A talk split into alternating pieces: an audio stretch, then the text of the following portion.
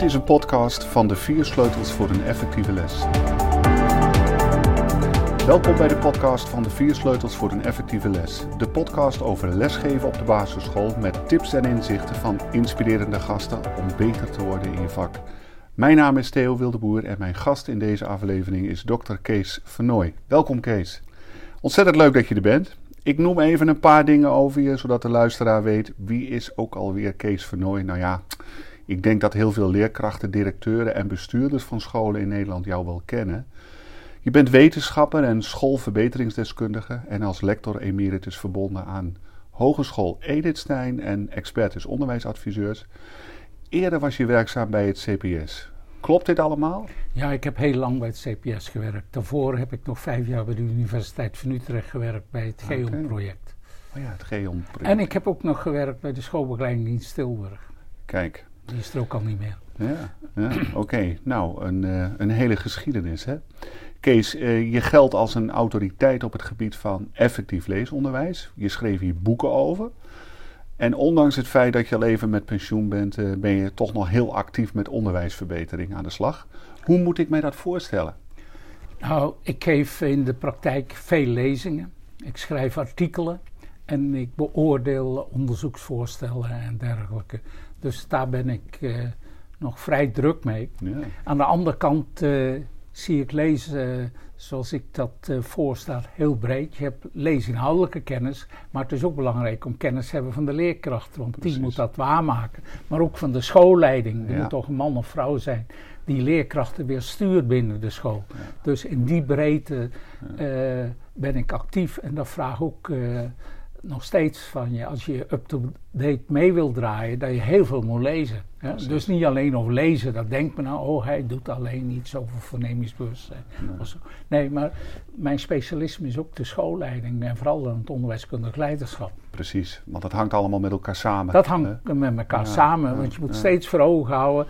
Uh, en dat vind ik de eerste verantwoordelijkheid van een school, hè, van... Hoe realiseer je goed onderwijs voor je kinderen? En als ik dan een lezer kijk, uh, zeg ik ook, een schoolteam moet zich verantwoordelijk voor voelen dat ze eigenlijk alle kinderen na groep 8 als een competente lezer precies. de basisschool laten uh, uh, verlaten. Precies, dat, precies, dat, dat, moet precies. een opdracht zijn. Ja. Hè? En daar speelt veel meer mee dan ja. wat men in Nederland dikwijls associeert. Lezen is een leesmethode. Nee, het maar goed, je bent, dus, je bent dus eigenlijk de hele week druk. Hè? Ja. om informatie te verzamelen, die informatie weer te bewerken, door te geven aan scholen enzovoort. Hè? Um, nou, en daarbij ik, kijk ik vooral naar wat doen nou de toonaangevende universiteiten in de wereld. Want precies, die hebben wel een precies. voorsprong van vijf tot tien jaar op Nederland. En die zijn ook veel praktischer precies, uh, uh, van aard. Hè? Die kijken veel meer wat werkte nu wel en wat werkte niet. En daar gaan we het allemaal over hebben, Kees, in deze podcast. Uh, ontzettend bedankt dat je mee wil werken. Uh, we gaan dan inderdaad nu zo'n beetje naar de inhoud toe. En dan wil ik toch maar even beginnen met een hele praktische vraag voor de luisteraar ook. Is dat fijn, denk ik? Jij komt op heel veel scholen en je ziet dus ook heel veel leerkrachten aan het werk. Kun jij een paar kwaliteiten noemen van, nou ja, laten we maar zeggen, gewoon hele sterke leerkrachten? Kwaliteiten van sterke leerkrachten, die zie je in de praktijk, maar die zie je ook uh, uh, uit onderzoek naar voren komen. Dat zijn goed geïnformeerde leerkrachten die goed lezen. Wat de leerkracht niet weet, doet hij ook niet. Hè? Kijk, een belangrijke voorspeller voor toekomstige leren lezen is voornemisch bewustzijn. En als jij als leerkracht er niks van af weet, dan doe je er ook niks aan. Hè? Dat zie je. Je ziet ook duidelijk, goede leerkrachten zijn doelgericht. Die vinden dat ze eigenlijk, eh, kijk bijvoorbeeld naar groep 3, dat alle kinderen moeten leren lezen. Hè? En daar zetten ze zich ook voor in.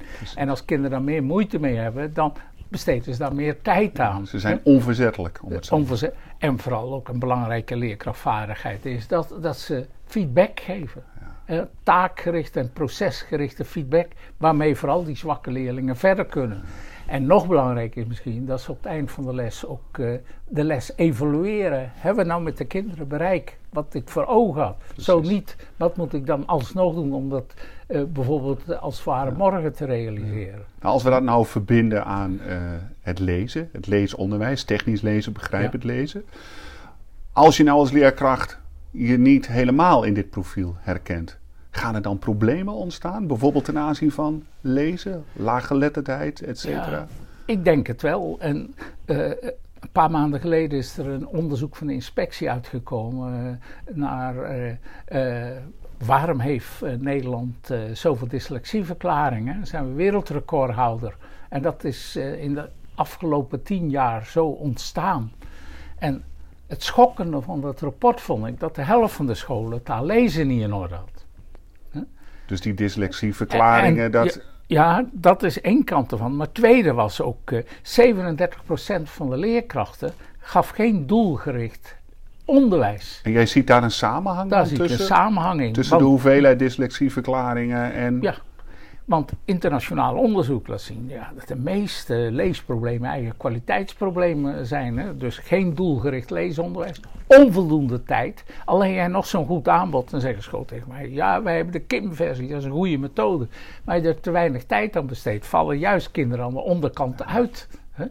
Dus daar zit wel een, een, samenhang in, in die zin. Hè, dat dus uh, leerkrachten moeten zich daar bewust zijn. Wij zijn ook een factor in, in het gebeuren om laaggeletterdheid te voorkomen. Ja, dus, dus de, ja, ik zie af en toe wel eens wat getallen rondgaan. en da, daar schrik ik wel van, hè, de, de, de omvang ervan. Ja. Heb jij die zo paraat? Ja, ga je kijken naar de Nederlandse situatie. Paul van der Broek heeft het een paar jaar geleden uh, al uh, over geschreven. Uh, ik denk 2010 zie je dat bijna een kwart tot een derde als niet goede begrijpende lezers de basisschool verlaten. Dan kan je zeggen, ze kunnen onvoldoende technisch lezen of ze hebben onvoldoende woordenschat. En de, dat is een heel derde, zorgelijk. Zeg je, een derde tot een derde? Tot kwart tot een derde, tot zegt Van de Broek. Nou, dat herken ik ook. Hè? Want ga je dan kijken naar twee onderzoeken, nou de inspectie heeft ook gekeken naar die referentieniveaus. En dan zie je, ja, 1F is een heel laag niveau. Hè? Dan ben je al bijna laag geletterd als je dat haalt. Maar 2F, wat eigenlijk het streefdoel zou moeten zijn. Uh, inspectie constateert in 2017 dat uh, 10% kinderen al minder uh, eh, 2F haalden. Hè? Dus dat leesonderwijs zakt. Maar nog zorgelijker is wat eh, PISA een paar jaar geleden liet zien dat zo'n 18% van onze 15-jarigen al laag geletterd is. Ja. Kortom. En dat, zijn niet alleen, dat zijn niet alleen allochtonen, neem nee, ik aan. de meeste, denk ik zelfs van autochtone huizen. Ja, ja. En dat is een groot maatschappelijk probleem. En toen ik lector werd, heb ik daar ook gerefereerd aan Canadees onderzoek. En daar zegt men duidelijk een samenleving uh, kan zich niet permitteren dat er veel mensen vanwege een slechte leesvaardigheid aan de kant uh, komen te staan. Precies, want dat is het gevolg. Dat is het gevolg. En dan zie je ook, uh, in Nederland is dat onderzoek niet direct gedaan, de relatie met criminaliteit, de relatie met uitkeringen en dergelijke. Een voorbeeld om te noemen men onderschat het dikwijls. Eigenlijk vergt deze tijd zelfs een hogere leesvaardigheid.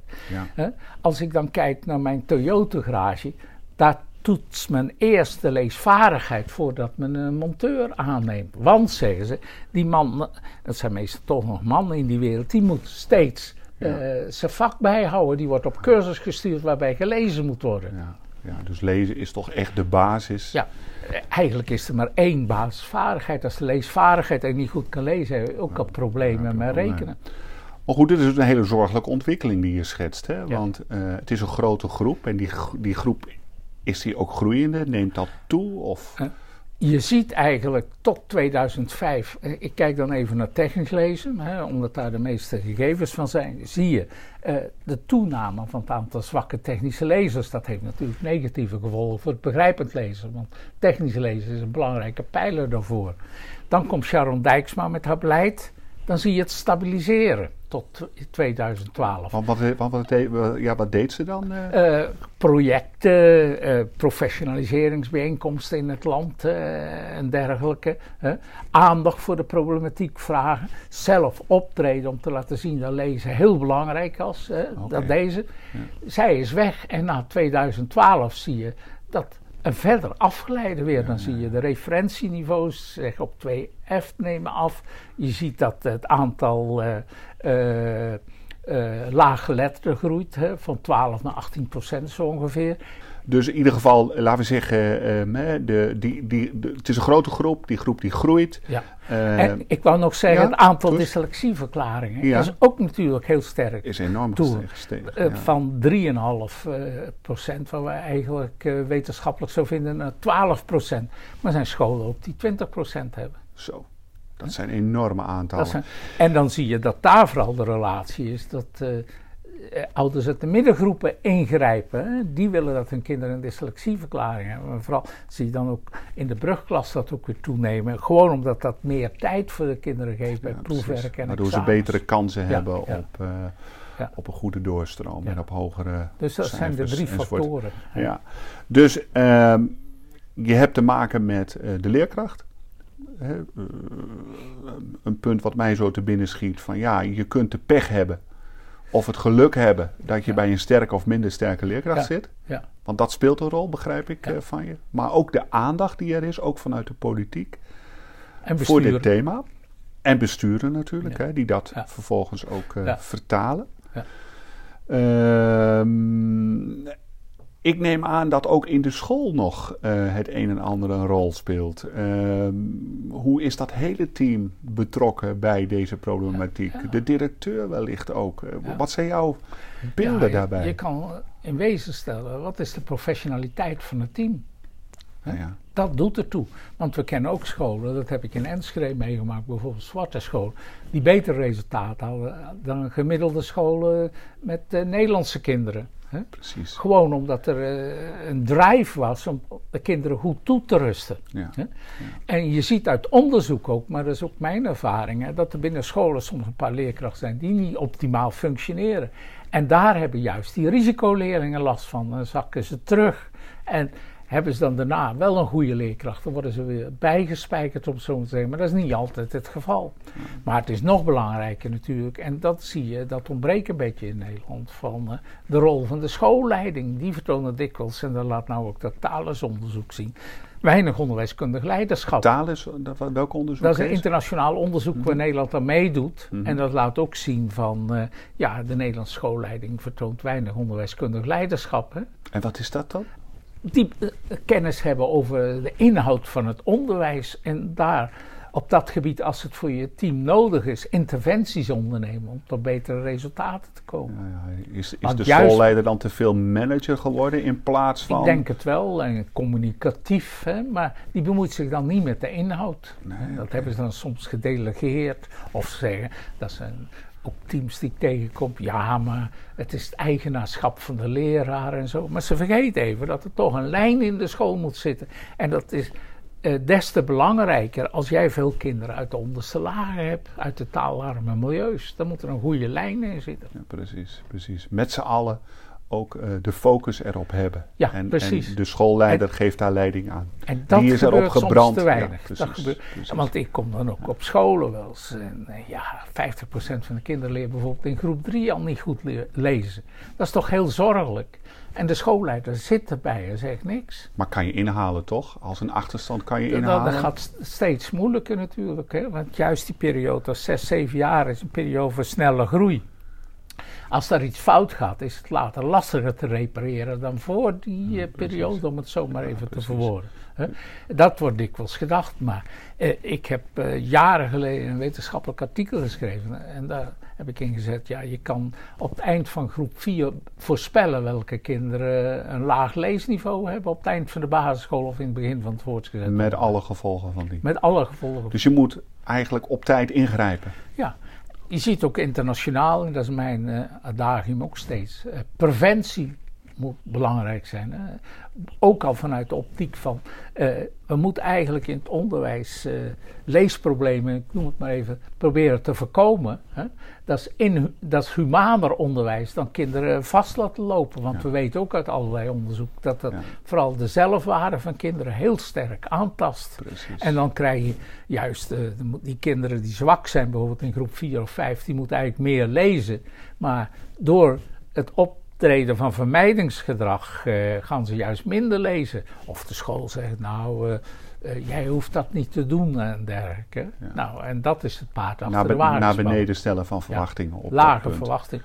Dat, dat, dat, dat is ontzettend finesse, juist voor risicoleerlingen. Precies, precies. Kees, je hebt nu verschillende oorzaken benoemd hè, die samenhangen met laaggeletterdheid. Um, laaggeletterdheid is, is een belangrijke, of laten we zeggen, geletterdheid is een belangrijke vaardigheid. Ja. Uh, maar ik neem aan dat de redenering zoals jij die nu neerlegt ook geldt voor bijvoorbeeld rekenen. Ja. En misschien ook wel voor spellen. Ja. Ja, men denkt te veel in Nederland, ook vooral bij jonge kinderen, naar lezen en rekenen natuurlijke uh, vaardigheden zijn. Hè? Uh, het komt wel, wacht maar met deze kinderen. Hè? Komt wel. Uh, Monique Marveld van Didactief heeft vorig jaar ook geschreven. We zijn ook wereldkampioen doorkleuteren. Doorkleuteren. Daar ja. bedoel ik mee. Die kinderen krijgen een verlengd kleuterjaar. Hè? En vanuit optiek, dan gaan ze het beter doen ja. in het onderwijs. Ja. Maar twee onderzoeken in dat verband de dissertatie van Andrea Nette laat juist zien dat dat de zwakke lezers en rekenaars zijn in groep 6. Ja. En uh, er is net een NRO-studie uitgekomen, die laat ook zien, uh, verlengd, uh, een verlengd kleuterjaar is geen effectieve remedie. Nee, nee.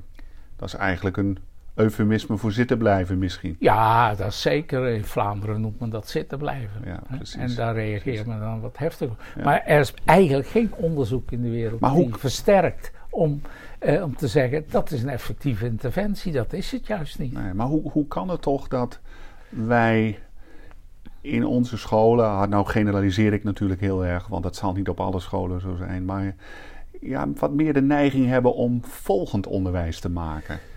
Uh, zijn wij nou allemaal aanhangers van Piaget, om het zo maar eens te zeggen, die dat nogal propageerden? Ja, Piaget, dat zijn nooit geteste theorieën, laten we dat eerst zeggen. Maar men denkt ook heel sterk, nou, het is natuurlijk een makkelijke opvatting voor veel leraren van, het komt wel goed als je wacht. Maar iemand als Torgensen zegt, we moeten juist niet uh, zitten te wachten tot de kinderen uitvallen, want dan ben je te laat. Dan ben je te laat. Ja. Dus eigenlijk zie je in Nederland ook dat de opvatting over preventie eigenlijk nog heel uh, weinig aandacht krijgen. Terwijl preventie veel effectiever is als later remedial teaching of kinderen in de dyslexie gooien Precies. en zo. Ja, maar preventie suggereert ook dat de omgeving een hele belangrijke rol speelt in de ontwikkeling. Misschien ja. wel een beslissende rol. Ja. En, en, dat wordt dikwijls vergeten, maar geloof in Nederland, vooral in die begingroepen, heel sterk in rijping. Het moet eruit komen. Hè? Ja. En kinderen moeten spelen. Hè? Maar eigenlijk is spelend leren hetzelfde als ontdekkend leren. Want door spelen moeten kinderen dan iets ontdekken. En daar is onderzoek ook negatief over.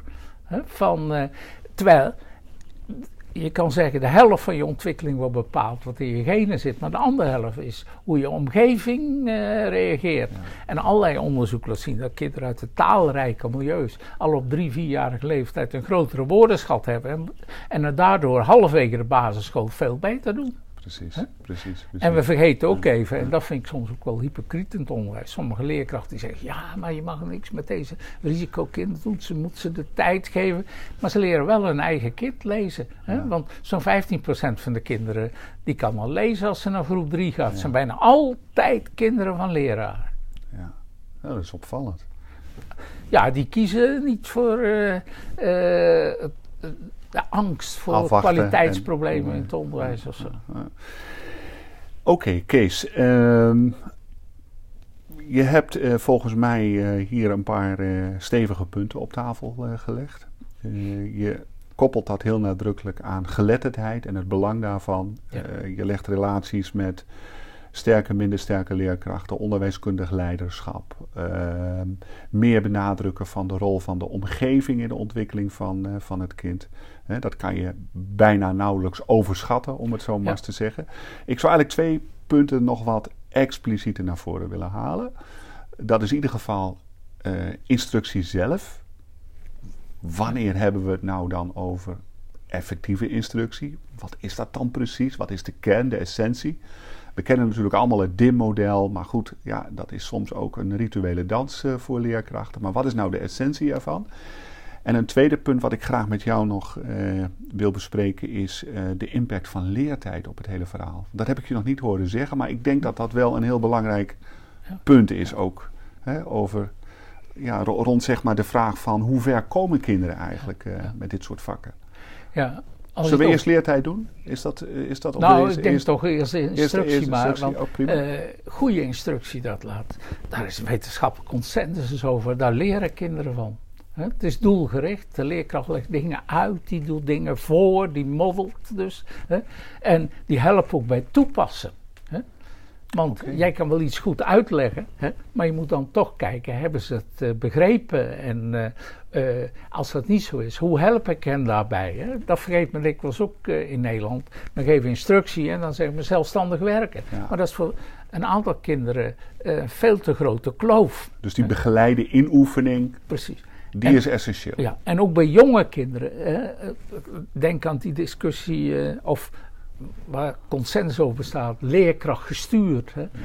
Jij moet activiteiten ondernemen, bijvoorbeeld in groep 1 en 2, om te zorgen dat die woordenschat zich beter ontwikkelt. Hè. Ja. Daar heeft ook wetenschappers als Bus en Van IJsdoorn al uh, op gewezen. Hè. Want dat doet er ook toe. Hè. Je moet verder kijken dan je groep lang is. Hè. Want halverwege de basisschool heb je dat nodig. Hè.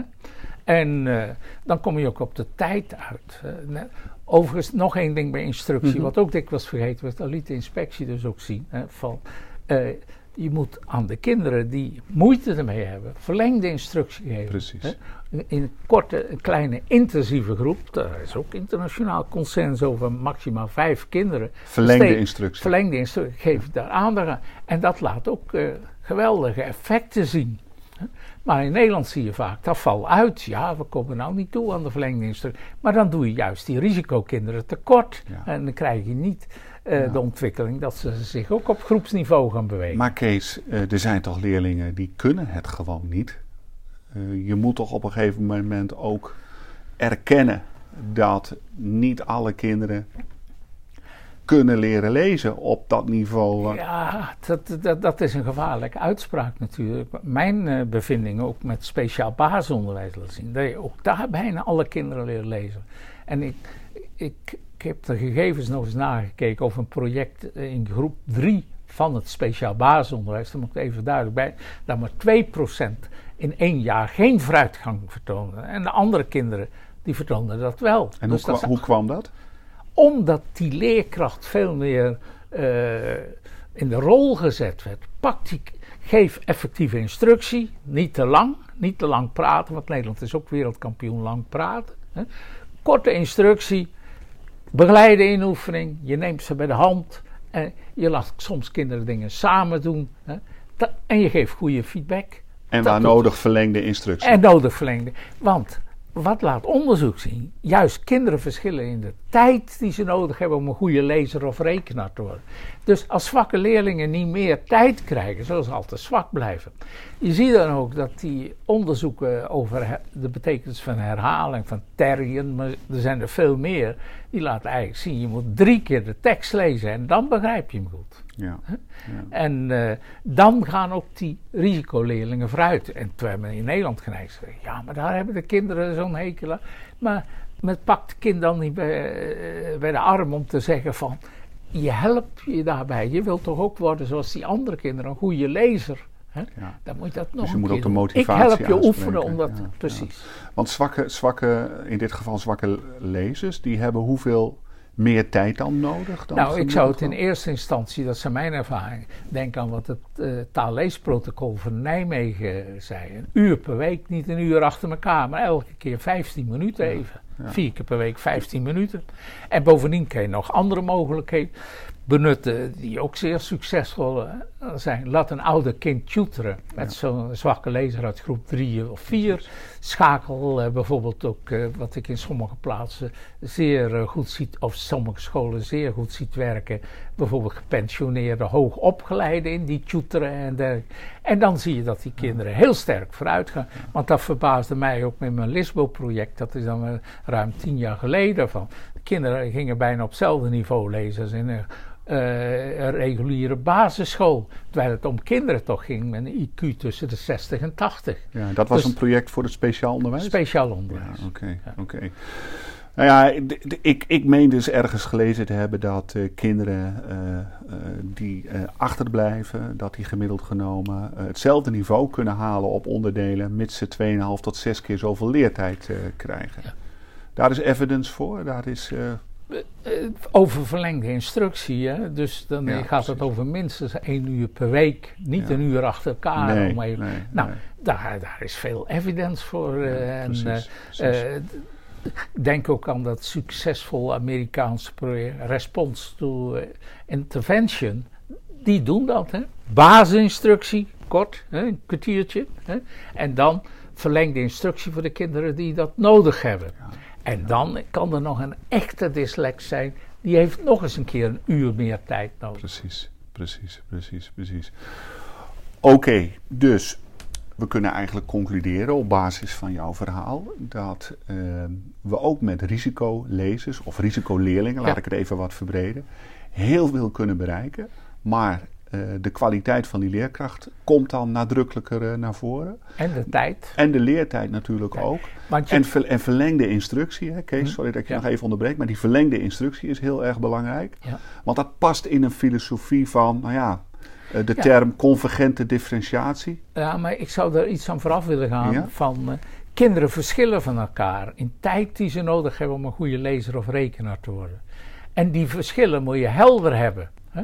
Dus uh, uit optiek van convergente differentiatie is dan dat je met meer tijd te geven aan juist die risicokinderen wil bereiken dat ze ook een goede lezer of rekenaar worden. Dat is een belangrijke pedagogische, maar ook maatschappelijke opdracht voor precies, uh, leraren. Precies, precies. Nou ja, ik breng het vooral ook even naar voren en expliciet naar voren, omdat we, we in scholen nu ook steeds meer geluiden horen over divergente differentiatie. Ja, maar daar uh, is onderzoek al van de jaren 70 van de vorige eeuw negatief over. Dat betekent elk kind zijn eigen programma en, en dergelijke. Hè? Oeverloos zelfstandig werken dikwijls. En daar schieten juist die risicokinderen niks mee op. Maar, dus maar daar hebben we toch hele mooie software voor, Kees, tegenwoordig? Ja, maar de computer kan nooit effectiever zijn als de leraar. Want? De leraar die kan uitleggen, die kan motiveren en helpen. Bovendien, deze kinderen hebben dikwijls problemen ook om snel op de computer te werken. Als jij spellende lezers achter een softwareprogramma of een zwakke lezer zet, nou, versterkt dat dikwijls een spellende leeshouding nog meer. Ja, ja, oké. Dus van de regen in de drup in dat geval. Ja, maar daar is heel veel onderzoek voor. Dat hebben ze in Noorwegen al uitgenomen, in de Amerikaanse universiteit ook. Die, daar zie je juist de laatste tijd uh, geluiden komen. We moeten niet ons blind focussen op de rol van uh, uh, ICT. Dus jij geeft eigenlijk een waarschuwing hier af. Je zegt nou, eigenlijk van, uh, nou ja, ik, ik, scholen, uh, als divergente differentiatie in de plaats komt van convergente differentiatie... Dan zijn dan juist je... de zwakke leerlingen, dat klopt. Overigens zijn, zijn, er ook onderzoeken die laten zien dat goede leerlingen dat ook uh, best vervelend onderwijs vinden, want het, is, het houdt oeverloos zelfstandig werk in. Hè? Ja, en ja. dat is geen sterke interventie. Ja. Maar ik meen dat Hattie ergens uh, stelt dat uh, als je in het onderwijs kunt versnellen, dat dat de opbrengsten ten goede komt. Ja, maar, en dat tuurlijk. bieden die programma's.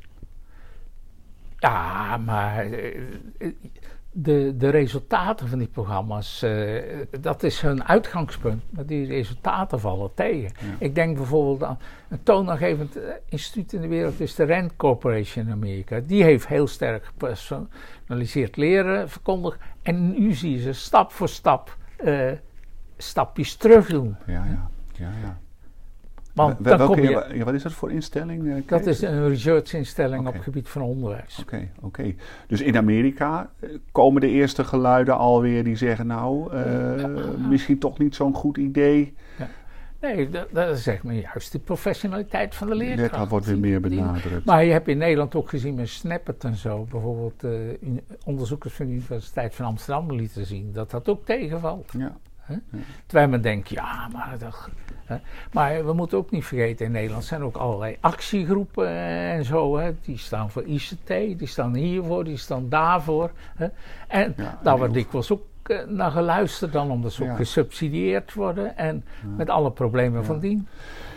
Ja, nou ja, goed. En daarmee maak je, wat mij betreft, een leuk bruggetje naar een vraag die ik in ieder geval nog wel heb voor je. Dat is, ehm, ja, we horen regelmatig over nieuwe aanpakken in het onderwijs. En die schijnen dan heel goed te werken. Hè. Dan hebben we breinleren bijvoorbeeld, of bewegen tijdens het leren. Hè. Dus ik, ik zie ook echt zelf in de klas leerlingen springen tijdens het woordje woordjes lezen op het digibord nou ja, uh, verhalen rond leerstijlen, meervoudige intelligentie. Maar wat vind jij dan van die aanpakken? Ja, in ons onderwijs, Helpt ons dat verder? Of? Dat helpt ons niet verder. Want uh, kijk, internationaal, uh, ik heb boek gelezen van uh, Engelse topwetenschappers en die spreken over bad education over dat soort onderwerpen. Er wordt heel veel breinleren uh, verkocht, om het zo maar te zeggen.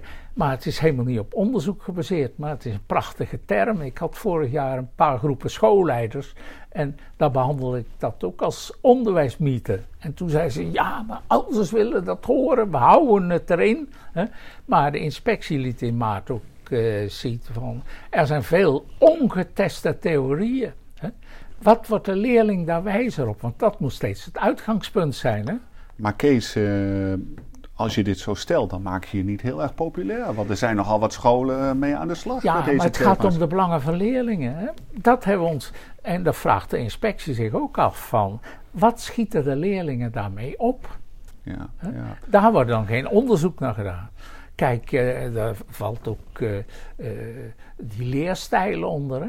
Alle opleidingen doen eraan. Maar pas ook nog ook weer Engelse wetenschappers in de Guardian. Hè? Daar moeten we mee stoppen, want niemand wordt er wijzer van. Nee. Dus, dus, eigenlijk is het hele betoog. de rol van die leerkracht is cruciaal. Hij is de motivator, hij is de aangever, ja, ja. hij geeft feedback, hij stuurt erbij. Ja, en dat kan je niet uit handen geven door software. Ja, uh, je kan niet compenseren voor die leerkracht door spelletjes. gebruiken, maar ja. hij blijft, hij blijft verantwoordelijk van... werkt dat voor deze leerling ja. of niet?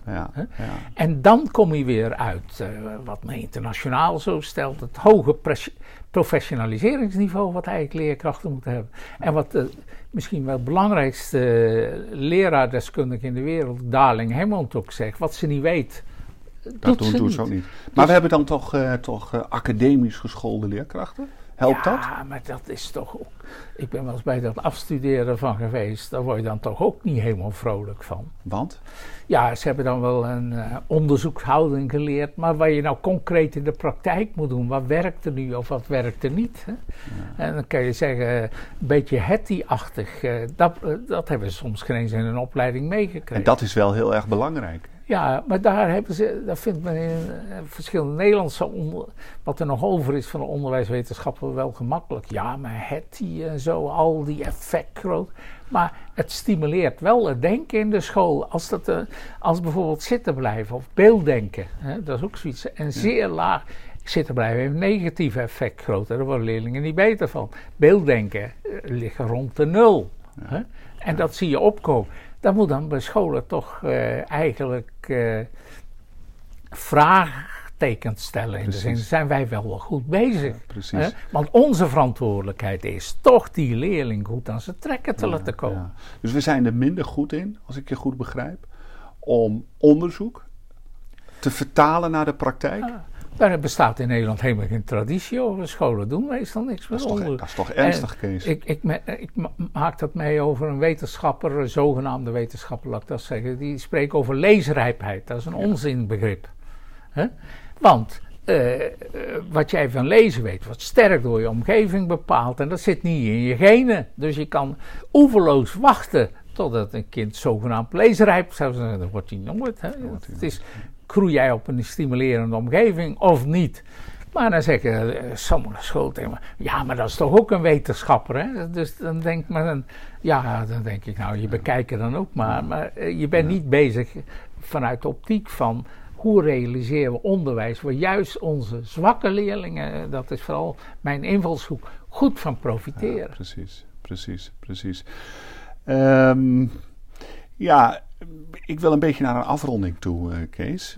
Uh, je noemde hem net al even, Hattie. Uh, bekend, hè? ik denk dat veel mensen in het onderwijs hem ook, ook echt kennen. Uh, hoogleraar aan de Universiteit van Melbourne. Publiceerde veel boeken over presteren op school en hoe je dat als leerkracht voor elkaar krijgt. Ja. Hij zei in een interview in 2015. En eerst citeer ik maar even. Waar ik mee worstel is dat iedere leerkracht denkt dat hij het recht heeft om les te geven zoals hij dat wil. Ik denk niet dat we dat recht hebben. Zoals ik ook niet denk dat iedere piloot het recht heeft om te vliegen hoe hij wil. Het leraarschap is een vak, niet iets dat je doet op gevoel en routine. Er zijn dingen, er zijn dingen die we wel en die we niet zouden moeten doen in de klas. Ben je het daarmee eens? Daar ben ik het 100% mee eens. Je moet de dingen doen als leraar waarvan je weet dat leerlingen daar wat mee opschieten en niet uh, iets leuks bedenken. Kijk, net uh, hadden we het over bewegen. Hè? En uh, ineens is daar een soort hype aan het worden in Nederland. Hè? Bewegend leren, ook tijdens leren lezen, dat gaat allemaal van de tijd af. Terwijl als je naar de NRO-onderzoeken kijkt waar men zich op baseert, dan houdt men ook alle slagen nog om de arm. Hè? Ja. En Internationaal, uh, noem mij maar eens een onderzoek wat bewegend leren laat zien dat dat positieve effect heeft voor het leren lezen. Nou, ik heb er nog gezocht, daar kom je niet tegen. Dus uh, een leraar moet gewoon uh, doen wat we weten waarvan de leerling profiteert. En daar is heel veel kennis over. Zouden dat moet wel door de deur van de klas over. Precies, precies. Dus we moeten van die leerkrachten eigenlijk vragen dat die evidence-based werkt. Ja, in wezen wel. Maar dat heeft dan dat probleem daarvan is dat er in Nederland eigenlijk helemaal geen traditie bestaat dat scholen iets met onderzoek doen. Hè? Nee. Als het maar leuk is, maar wat leuk is, hoeft niet effectief te zijn. Herhaling vindt men niet leuk, maar het is wel ehm, de meest effectieve interventie die je in kan zetten, vooral voor zwakke lezers en rekenaars. Ja, ja, wat zou dan ehm, de volgende stap moeten zijn? Hè? Want als we dit constateren, nou, dat lijkt me tamelijk uh, essentieel. Ja. Maar wat, wat moeten we scholen dan als boodschap geven? Ja, scholen, de besturen moeten vooral kijken hoe houden we het pijl van onze leerkrachten uh, uh, zo op orde dat ze les kunnen geven waar onze leerlingen van profiteren. Ja. En als we te veel te veel zwak hebben, dan moeten we wat ondernemen. Dan moeten we professionele scholing, ondersteuning en al, die zaken nog meer. Ja. En aan de andere kant moet er ook komen, wat doen nou die opleidingen? Ik ben zelf ook lector geweest op PABO, maar daar heb je niet zo'n greep op die opleidingen zo veel meer eh, door onderzoek gedragen moeten worden. Terwijl ze nu veel meer sociaal constructivistisch zijn. Alles moet uit de leerling komen. En daarom hebben ze dikwijls ook de pest aan Hetty, want die zeggen ja, dat valt tegen, hè? dat zelfontdekkend leren. Ja, ja. En dat zet hun uh, zogenaamde kennis uh, natuurlijk een beetje in kwaad daglicht. Ja, precies. En daar houden ze niet van. precies, precies, precies. Dus eigenlijk moeten we ons met, met elkaar ook heel goed bezinnen ja. op de vraag: als wij daadwerkelijk iets voor alle leerlingen willen betekenen, en met name ook voor zwakke leerlingen, ja. ja. dan moeten we meer, meer terug naar de basis. We moeten weten wat werkt. Ja. Uh, we moeten daar fanatiek, onverzettelijk, doortastend mee aan de slag. En we moeten dat volgen. En we moeten dan wellicht in Nederland ook iets van een kenniscentrum hebben rond instructie en dat soort dingen? Want dat hebben we eigenlijk ook niet. Hè? Dat hebben we ook niet. Hè? Maar we zouden ook veel meer, eh, de overheid zou interventietrajecten moeten doen, die bijvoorbeeld vanuit een kenniscentrum, hè? hoe kan je nou de, uh, de resultaten die waren in het verleden wel toch? Speerpunt lezen en dat soort. Uh...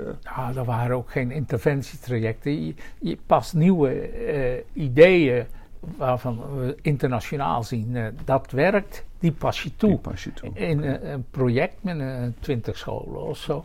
En dat evalueer je uit. En die resultaten die stel je aan uh, andere scholen beschikbaar. Onder andere door professionalisering. Dat, is ook, dat heeft het taalexpertisecentrum ook laten liggen eigenlijk. hè, van uh, interventietrajecten. Dat hij wel degelijk iets kan met uh, zwakke leer. En dat, is, en dat is een begaanbare weg. Kees, ik moet afronden. Um, ik wil je ontzettend bedanken. Uh, hartstikke leuk dat je mee wilde doen. Ik heb hier nog staan dat als we jou verder willen volgen, dan kunnen we kijken op of waar kunnen we je vinden of waar kunnen we meer over je horen. Ja, ik heb mijn wekelijkse e-mailservices en zo. En daar zitten zo'n 2000 leraren in Nederland en Vlaanderen in. Ja, precies. En dat zijn meestal de leraren waarvan ik de indruk heb, die weten wel uh, uh, wat er moet gebeuren. Precies, Ja? precies, precies. Eh, nou oké, dus dat is in ieder geval een service die, eh, eh, Ja. die je biedt. En je publiceert Ja. regelmatig nog. Nederland en Vlaanderen. in Vlaanderen, dus daar kunnen mensen jou ook volgen. En dan kunnen ze jou ook jouw e-mailadres vinden, et cetera.